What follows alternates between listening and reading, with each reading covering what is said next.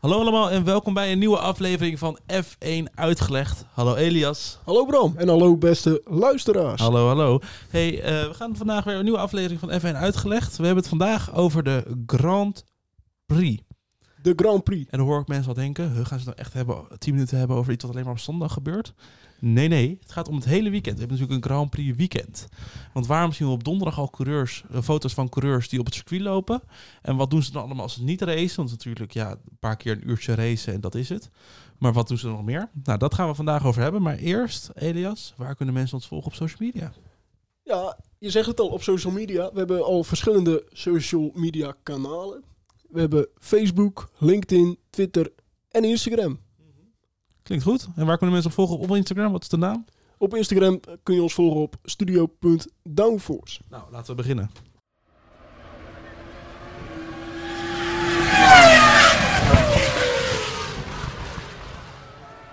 Ja, de Grand Prix. Een Grand Prix weekend. Wat houdt het nou precies in? Hoezo is het zo? Wat, wat, hoe vaak kunnen we het verwachten dit seizoen? Natuurlijk, een paar jaar geleden hadden we dat elke, elke raceweekend een Grand Prix weekend was. Is dit seizoen even wat anders? 18 van de raceweekenden in 2023 zijn tussen aanhalingstekens normale raceweekenden. De afgelopen jaren heeft Formule 1 veel geëxperimenteerd met nieuwe formats. We hebben wel eens Ja. een tweedaags raceweekend gehad in Imola. We hebben wel eens minder vrije trainingen gehad. Nou, van alles en nog wat. Eh, het lijkt op, toch wel op te werken dat het normale format het populairste is. Misschien ook never change a winning team in dat opzicht. Precies, ja. Dit jaar zijn eh, zes van de races sprintraces. Daarover komt nog een aparte aflevering. Zoals je denkt van, nou, ik, ik vind eigenlijk wel benieuwd hoe een sprintrace in elkaar zit. Luister dan de volgende. Ja, precies, want het is net even anders dan een normaal weekend. Ja. Want eh, een normaal Grand Prix weekend bestaat uit vier dagen. Dat is misschien gek, want op drie dagen heb je maar actie, maar het is vier dagen. Het begint namelijk al op de...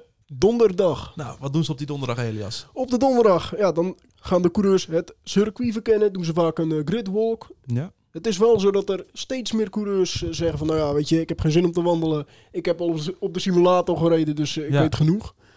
Maar vaak zie je toch wel nog wat coureurs die eh, ouderwetse gridwalk doen. Dan verkennen Mhm. ze het circuit, verkennen ze...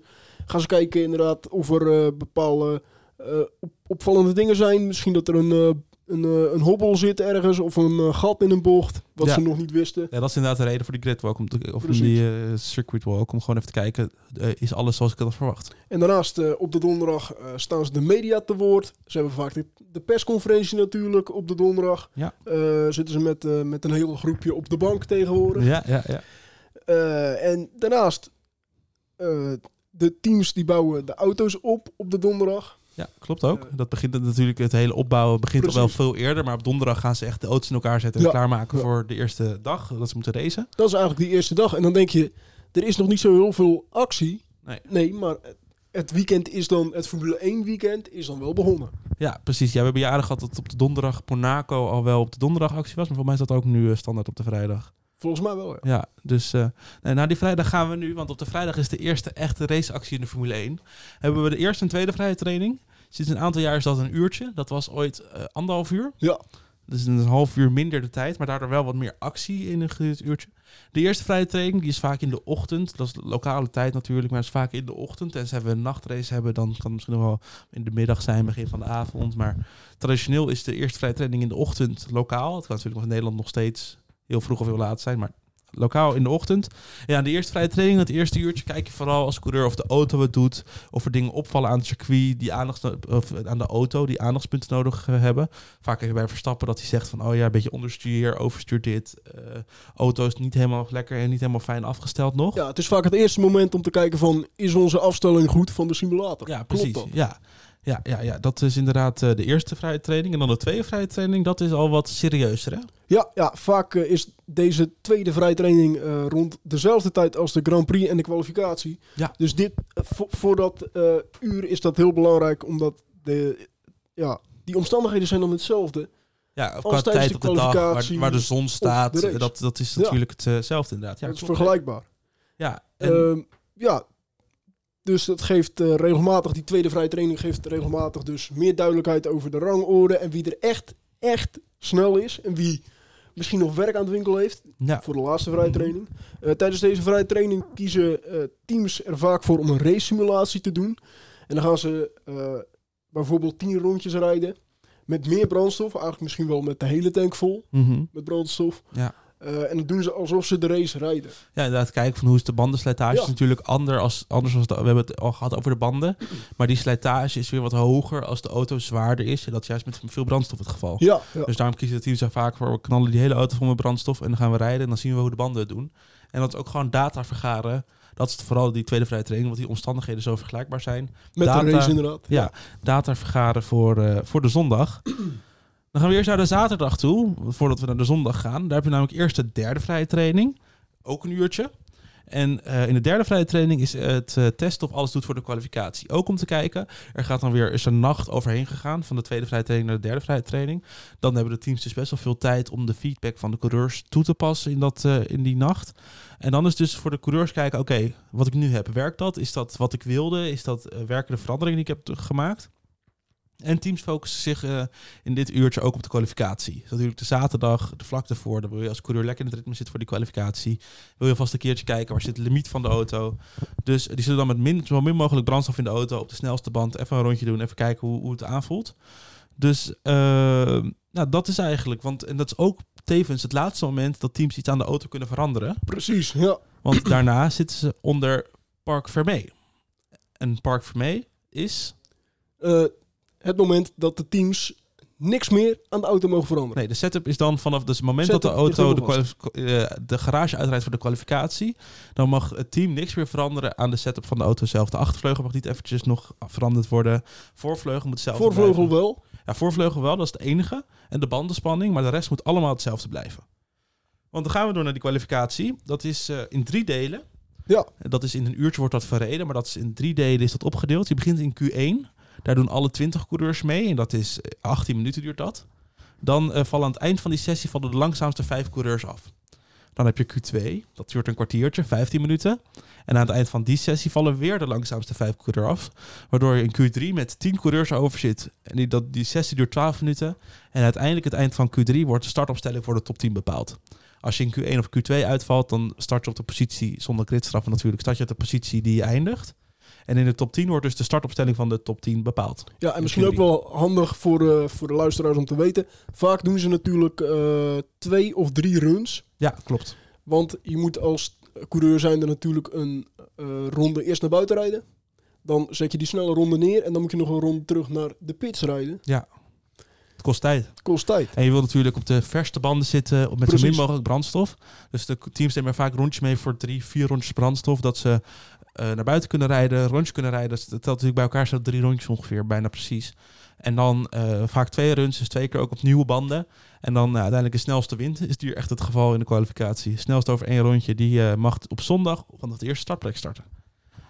En dan gaan we namelijk naar die zondag, want zondag is het tijd voor de race. Ja, Dan eh, op zondagochtend worden de eerste coureurs even een rondje over de circuit gereden. Vaak in zo'n vrachtwagen met open, zo'n open vrachtwagen als ja het ware. of allemaal van die oude ja, auto's. klopt. Ja, In de, of van oldtimers. Van die oldtimers. Dan Even naar de fans zwaaien. Even een momentje met de fans. Dat de fans ook zien daadwerkelijk wie er in die auto zit. En ook eh, om de laatste interview te geven voor de race. Even laatste gedachten. De strategie is al besproken tegen die tijd. Dat ze natuurlijk allemaal buiten die sessies om. Gaan ze bespreken met het team. Nou, hoe was het in de auto? Wat, hoe voelde het aan? Maar voor zondag bespreken ze de strategie. Hoe gaan we het aanpakken? Welke band starten we? Welke band doen we de pitstop op? Nou, en eh, wat, wat is het snelste eigenlijk? Dus dat vertel ze toch eventjes van waar ze het over hebben gehad. Nou, en daarna is het zover. Stappen ze de auto in. Doen ze een rondje naar de grid toe. Ja. Dus dan denk je, het vaak al een half uur voordat de race begint, zie je denk ik een auto op het circuit. denk je van, wat is dit nou weer? Waarom zit deze al op het circuit? Maar als het dus echt gewoon, die mogen dan een rondje rijden om Nou, naar de startgrid te grid, ja.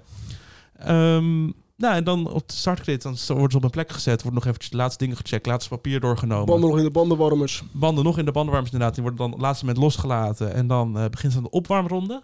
En dat is gewoon om de auto op temperatuur te krijgen, om te zorgen dat eh, de motor op temperatuur is. De remmen. Ja, de rem op temperatuur, dat even alle versnellingen even warm geworden zijn, dat eh, alles het doet. Nou, en na de opwarmronde beginnen ze aan een race van 300 kilometer. Dat is namelijk elke, elke race hier weer een ander ronde aantal. De ene race rijden 52 rondes, in Spa langs het circuit rijden 44 rondes. Dus eh, dat verschilt dus omdat eh, het circuit andere lengte heeft en daardoor meer of meer rondjes, minder rondjes heeft om tot 300 kilometer te komen. Er zijn twee uitzonderingen op. De eerste is als, de, als ze over het limiet gaan van twee uur. Ze hebben gezegd in de Formule 1, we hebben een tijdslimiet.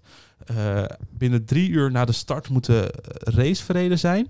En stel er is een rode vlag, dan is het dus binnen drie uur. Maar in principe als ze aan het rijden zijn, moet binnen twee uur de hele race gereden zijn. Ja, want bij heel veel circuits is het natuurlijk zo dat je geen verlichting hebt. Nee, klopt. Ja, dat is inderdaad eh dan, eh, is het natuurlijk eind van de dag vaak, lokale tijd. En dan wil je gewoon voor een bepaalde tijd klaar zijn.